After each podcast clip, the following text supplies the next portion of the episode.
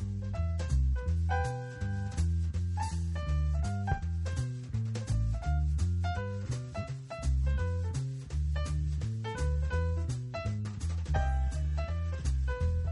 I nosaltres que continuem aquí a la Fórmula Matí parlant de psicologia i ja la tenim aquí una setmana més. A la Marta Andreu. Marta, què tal? Un dia... Bon dia, Xavi. Doncs Una setmana bé. més i la última d'aquesta temporada. Ai, quina penita, eh? Fa sempre acabar, però bueno. Bueno, Unes també- vacancetes. Sí, sí, sí. Ens les mereixem. Home, eh? sí, per carregar forces, per nou, nous temes, per noves... Bueno, sembla com si fos un músic, no?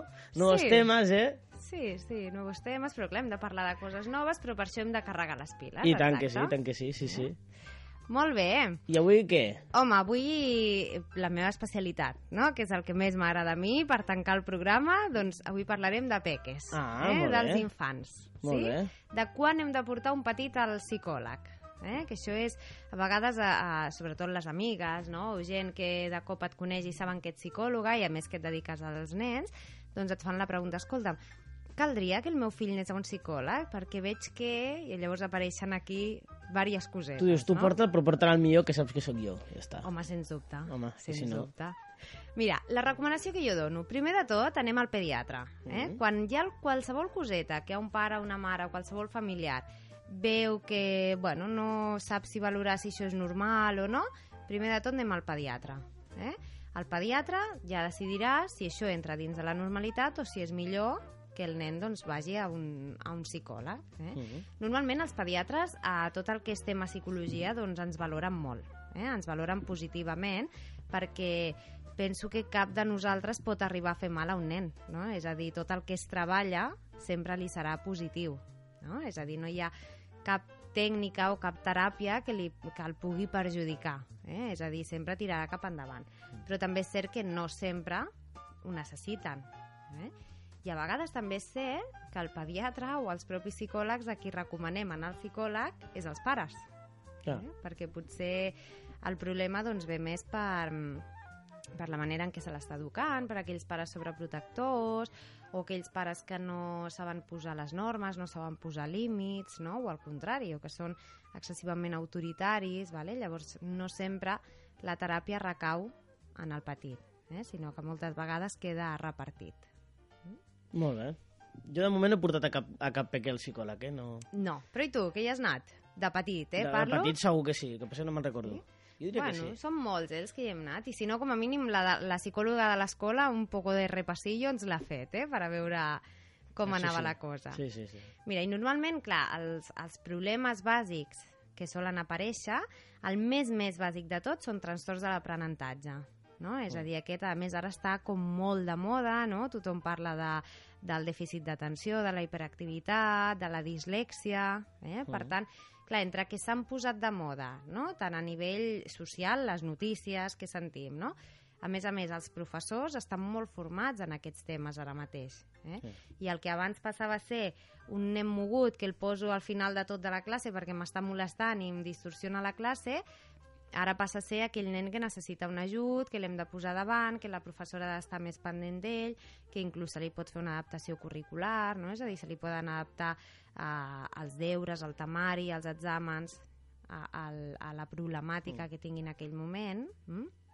Llavors, bàsicament, trastorns de l'aprenentatge. Què passa? Que aquests nens venen recomanats des de l'escola. No? Normalment és els, els profe el professorat qui diu, alerta als pares dient, escolta'm, alguna passa aquí. Eh? Aquest nano no segueix bé el ritme o aquest nano es mou constantment, no podem mantenir-lo atent a classe. Vale? Llavors, aquests venen normalment amb una derivació ben clara, que és de l'escola. Mm? Després, el segon, les rabietes. Eh? Aquestes rabietes infantils que els pares diuen és que em desafia, és que em diu que no a tot, és que m'arriba a pagar, és que em crida, és que si em poses cara de, de Ah, sí? pagar, sí que hi ha peques Bueno, com, la, com sí. la, la Supernani, no? I tot això que surt a la Exacte, tele. Jo penso que exacte, això deu sí. ser el nivell màxim de... A veure, sí, Sí, sí. no? Realment els casos... Jo no l'he vist gaire, eh, la Supernani, però els cops que ho he vist, Mm. els casos que ets posen sí que poden ser un extrem. Però també hi són, a la realitat. Sí? Mm? També hi són, sí.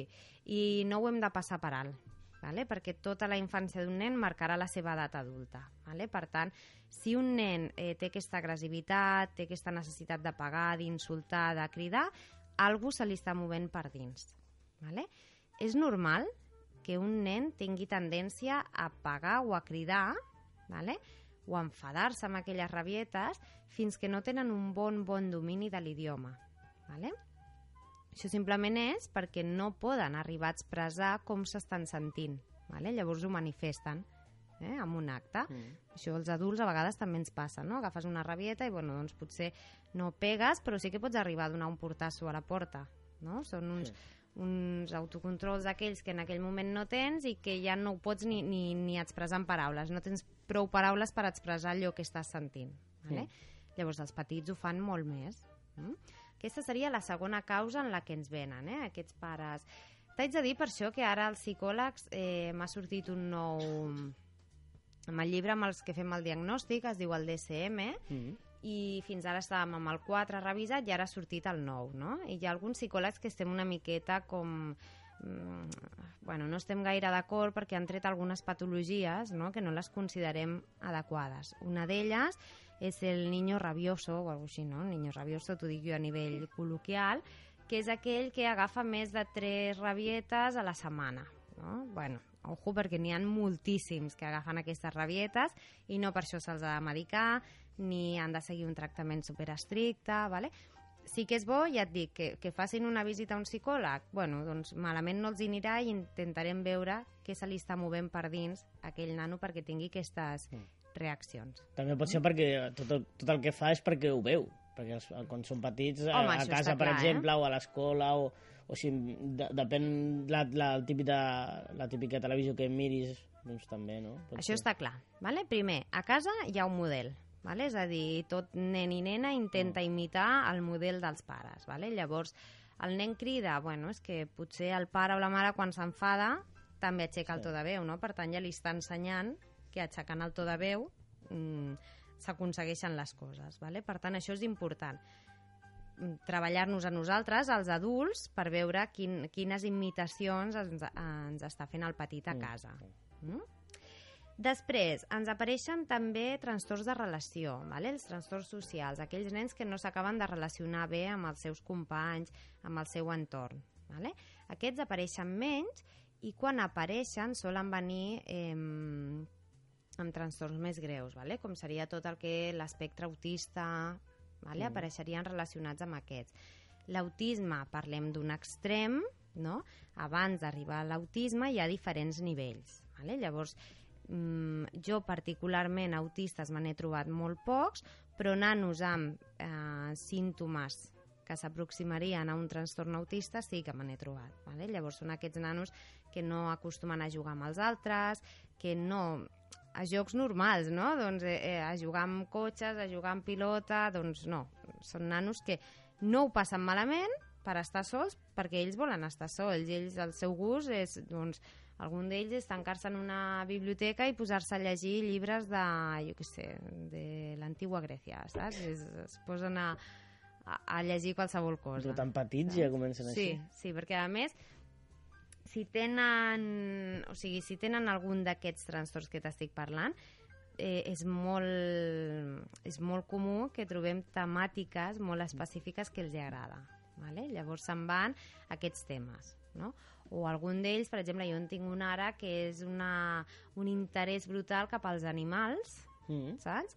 Però és que, clar, jo parlo d'animals i parlo d'un elefant, d'un goril·la, d'un gat, d'un gos, no? una pantera, un tigre, i ell, clar, em, em comença que el cangrejo no sé què de tal, o sigui, va tot amb uns noms científics, mm. saps? Que dius, mare meva. I clar, és que el nano mm, doncs es passa el dia llegint bibli o sigui, bibliografia de, de tot el que sigui I quants animal. té? Quina edat té? Aquest té 8. 8. Bueno, Aquest té 8, sí. Pensava que era més petit. Dic, si és més petit, si té 5 o 6... Ja no, bueno, però ja ho comences a veure, eh? Amb aquestes edats ja ho comences a veure. Saps? A més, acostumen a ser nanos que a nivell verbal mm. i a mm. nivell lectura tenen un nivell molt alt. Vale? Llavors, els hi permet eh? poder-se formar en qualsevol tema que sigui del seu interès. Mm. Mm, està bé, mira. Després trobem temes de desenvolupament, Vale? És a dir, aquells nanos que no s'estan desenvolupant bé a nivell motriu, ja sigui articular, parla-parla, vale? o que veuen que els hi costa fer esport. Val? Normalment aquests ja sí que són més atesos pel, pel pediatre, no? i el pediatre és qui decideix exactament on portar-los.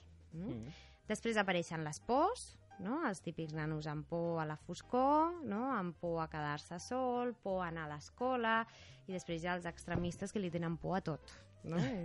També em porto un ara que té por a tot tipus de soroll que passi una miqueta per sobre de lo que seria la normalitat, no? És a dir, passa una moto que fa un palet més de soroll, doncs s'escandalitza. Uh, si peta un globo ja no te digo, no? És de lo peor que puede pasar. O van al cine, els pares m'ho diuen, és que anem al cine i mm, hem de marxar. Hem de marxar perquè a la que comença a escoltar el to, no? Sí, que és sí, alt, sí. Doncs el nano bueno, li agafa de tot. Eh?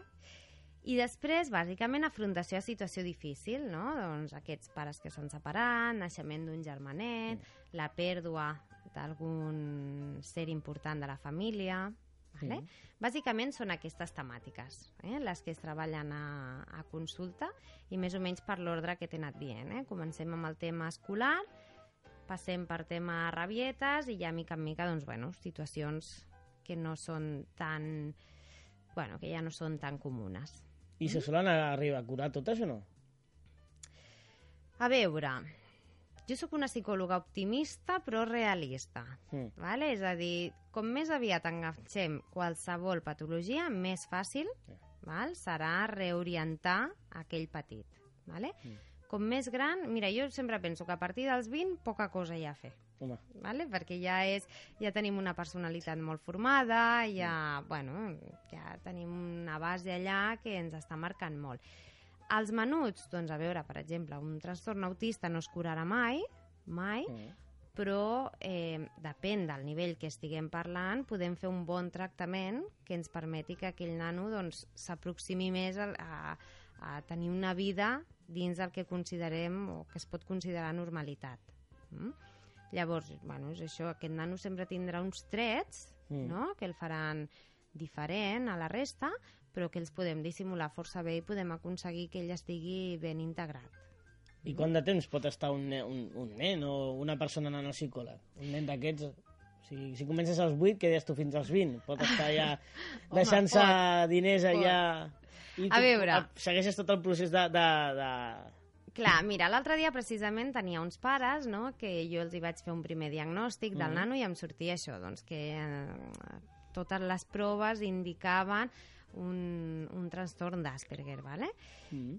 Eh, clar, el primer pas que se'ls diu, anem a un centre que ens facin un diagnòstic realment clar, amb proves mm. neurològiques, vale? per tant jo els vaig arribar a Sant Joan de Déu, però clar, els pares estaven amb una alarma de que, clar, és que tot això ens costarà un dineral, no? perquè no només és una exploració, que ja és cara, sinó és tot el tractament posterior. Vale?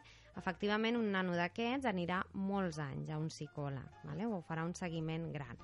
Però eh, hem de pensar que no tot és el nen. És a dir, un psicòleg, jo molts cops treballo amb gent precisament que em diu Marta, a nivell econòmic mm, jo vaig molt malament. Vale? Llavors, com ho podem fer?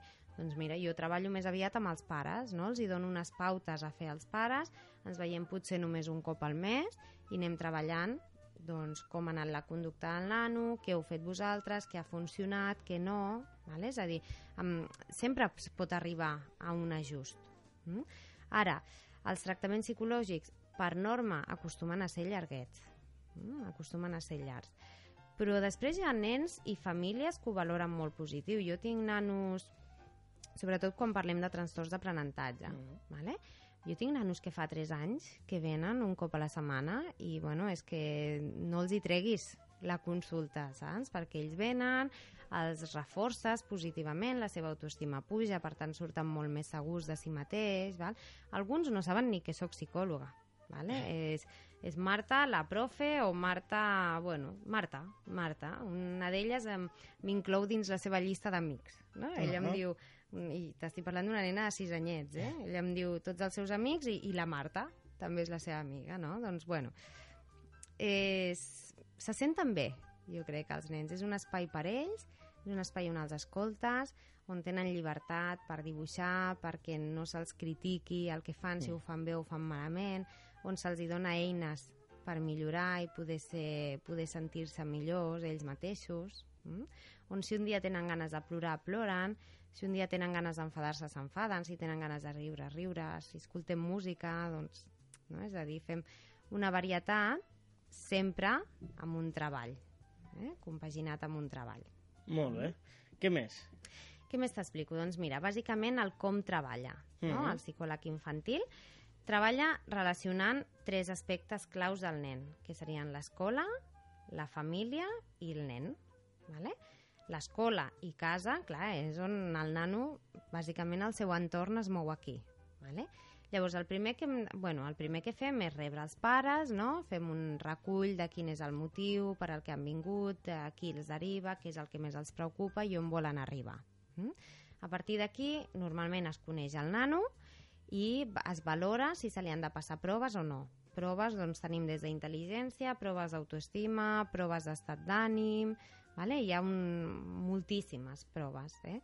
Amb aquestes podem aproximar un diagnòstic i a partir d'aquí, bueno, s'acostuma a fer una altra visita més lliure al nen, no? més de joc, a veure mm -hmm. com fa el joc lliure, el dibuix infantil, que això els agrada molt. Vale? Acostumen a ser tres visites de diagnòstic o d'orientació. I a partir d'aquí ja es pacta un tractament. Mm? El que et deia ara, sovint jo no parlo mai d'anys, Vale? És a dir, comencem amb el nano i mica en mica anirem veient. Mm, així com et dic que tinc nens que fa 3 anys que tinc, també n'he tingut d'altres que amb 5 visites hem pogut donar l'alta i ja està. Eh? És a dir, no sempre s'allarguen el temps. Vale? Però sí que hem de pensar més o menys en una visita setmanal d'uns 40 minutets. Val? Amb els nens són entre 40 i 45 minuts. Mm? Després acostumem a mm, fer visites amb els pares, també. A vegades venen els avis, perquè els avis estan molt, molt inclosos també en l'educació dels nens. Per tant, es fa visites amb tothom amb qui té alguna a veure amb, amb l'infant, qui té una relació amb el nen. Doncs imagina't a vegades si tenen, si tenen que venir tots junts. Sí, a vegades, a bueno, no, no intentem fer-ho per separat, eh? perquè si no, no estaria tot distorsionat. Eh? Però bueno, i després sobretot doncs, visites amb l'escola també. Mm. Vale? El treball de l'escola és molt important. No només quan parlem de trastorns d'aprenentatge, sinó amb trastorns emocionals, l'escola juga un paper important perquè és on el nen es relaciona més, és on poden veure el seu estat d'ànim i de fet el seu estat d'ànim sempre repercutirà també en el tema escolar. Mm? Llavors, en principi, treballem amb això. Mm. Vale? El, T'insisteixo, eh? el temps en què s'allargui o no aquest tractament dependrà de cada una de les patologies, del nivell, dels, nivell econòmic dels pares, de com el nen ens estigui responent, mm? però pot anar des de 5 visites doncs, a 10 visites, 15 o com nanos que no volen deixar d'anar a la psicòloga. Mm, això, això és perquè ho fas bé, no? Si no... Bueno, sí, suposo que ho faig bé, sí, suposo que sí, fa molts anys que m'hi dedico, però a més a més tinc feeling amb els nens. Mm. Mm, a mi m'agraden els nens. Vale? Llavors, bueno, m'agrada posar-me en el seu món no? i intentar entendre'ls des, de, des del seu punt de vista. I de fet tinc una frase allà en el despatx que és del Petit Príncep que ens diu tots els adults hem sigut nens, tot i que pocs ho recordem. Mm. No? Llavors, bueno, és com tornar al teu món infantil i veure com estaries vivint tu això des, de, des dels teus 6 anys, no? des dels teus 5 o des dels teus 8. No? és maco, la veritat és que és una feina molt mm. maca. Ara, jo ara em ve el cap amb aquesta frase que has dit. Sí. Quan jo era petit, que jugava, quan anava al poble, a Múrcia, on vivia la meva àvia, jugàvem a futbol en un carreró, i sempre estava les típiques ja, no piquis a la porta! I, i sempre els diem, però que no heu sigut mai joves vosaltres, no heu sigut mai Exacte. nens. Clar, m'ha vingut a mi aquesta frase al cap. Exacte. Home, a mi aquesta frase em va molt bé perquè sempre els hi faig llegir als pares, mm. no? És a dir, els pares venen, a la primera visita t'ho treuen tot, no? És que es conteston, és que no para de pagar, o és que s'enfada amb tot, o només vol jugar amb això, o només vol jugar amb l'altre... Bueno, clar, llavors, un cop ho han tret tot, no?, el giro, els, els fem que llegeixin la frase i que reflexionin una mica. I, de fet, el nen ve carregat d'una genètica i d'una mm. herència brutal. ¿vale? És a dir, segurament eh, bueno, és molt possible que el comportament que estem veient en el nen el tinguéssim algun de nosaltres en el, en el moment en què érem petits. Ah, és la, el que té la genètica. Exacte, el sí. que passa que, bueno, transformat a la seva edat, no? Tinc molts pares que em venen alarmats de, de les noves tecnologies, no? De que ah. estan tot el dia enganxats a, a la pantalla, a l'ordinador, a... Bueno, als mòbils, de... a les tablets, sí, sí, sí, sí. Exacte, però hem de tenir en compte que és la realitat d'ara. Mm. No, això no vol dir permetre-ho al 100%, però sí saber que, que estem parlant d'una realitat que no era la nostra de fa 30 anys, de fa 20-30 anys. Ja a les escoles, a sobre que tenen les tablets i tot ja per estudiar, que això penso Exacte. que és una... Però bueno, és el que hi ha. Marta, alguna coseta més? Doncs en principi ja està. Sí? Eh? Ens veiem Qualsevol... la propera temporada, eh? Home, i tant. Que aquí anem renovant any a any, eh? Si no, malament, eh? I tant, que sí. Nous temes, noves ganes, sí? il·lusions... I a veure com va l'estiu. A, veure si carreguem forces aquest estiu, bé, sí, no? l'estiu sempre va bé, sí? eh? amb unes vacancetes entremig, sol, Quines platgeta... Ganes? Quines ganes d'agafar-la. Qui, qui pugui, qui pugui, que hi ha gent que se l'agafa les vacances per treballar més. Ostres, no, no, no. Estiu, vacances, platgeta, sol i apa, i relax. Jo porto quatre estius sense vacances, eh? Ostres, quatre, Xavi, eh? doncs ja toquen. Això sí. psicològicament no és gens bo. No, no, Així no, que no, la teva no psicòloga ser. de capçalera, si vols et fa un informe recomanant unes bones vacances. Unes bones vacances que posi Rivera Maya, eh? Vale, Rivera vale. Maya, 8 dies, eh? Que, oi, oi. Si ho, pots posar i així, mira, ja ho porto a l'agència de viatges i dic, mira, recomanació del metge, eh, gratis, eh? Primer gratis. li portes al jefe, També, sí, no? sí, sí. Aviam si el jefe ens No, perquè si no, potser ens diu que, que vol venir també. Oh, no, no, no. No, unes vacances amb el jefe. Oh, T'imagines? No, no, no, nunca. Bueno, si són pagades, si, si, ho, si ho paga ell tot... Ostres, però no sé, eh? Unes vacances a tota la gent d'aquí, a Ribera Maya o a Punta Cana... Home, si, ens, si són tots els companys i el jefe, llavors, llavors quines vacances serien? Llavors, bueno... Seria más de lo mismo.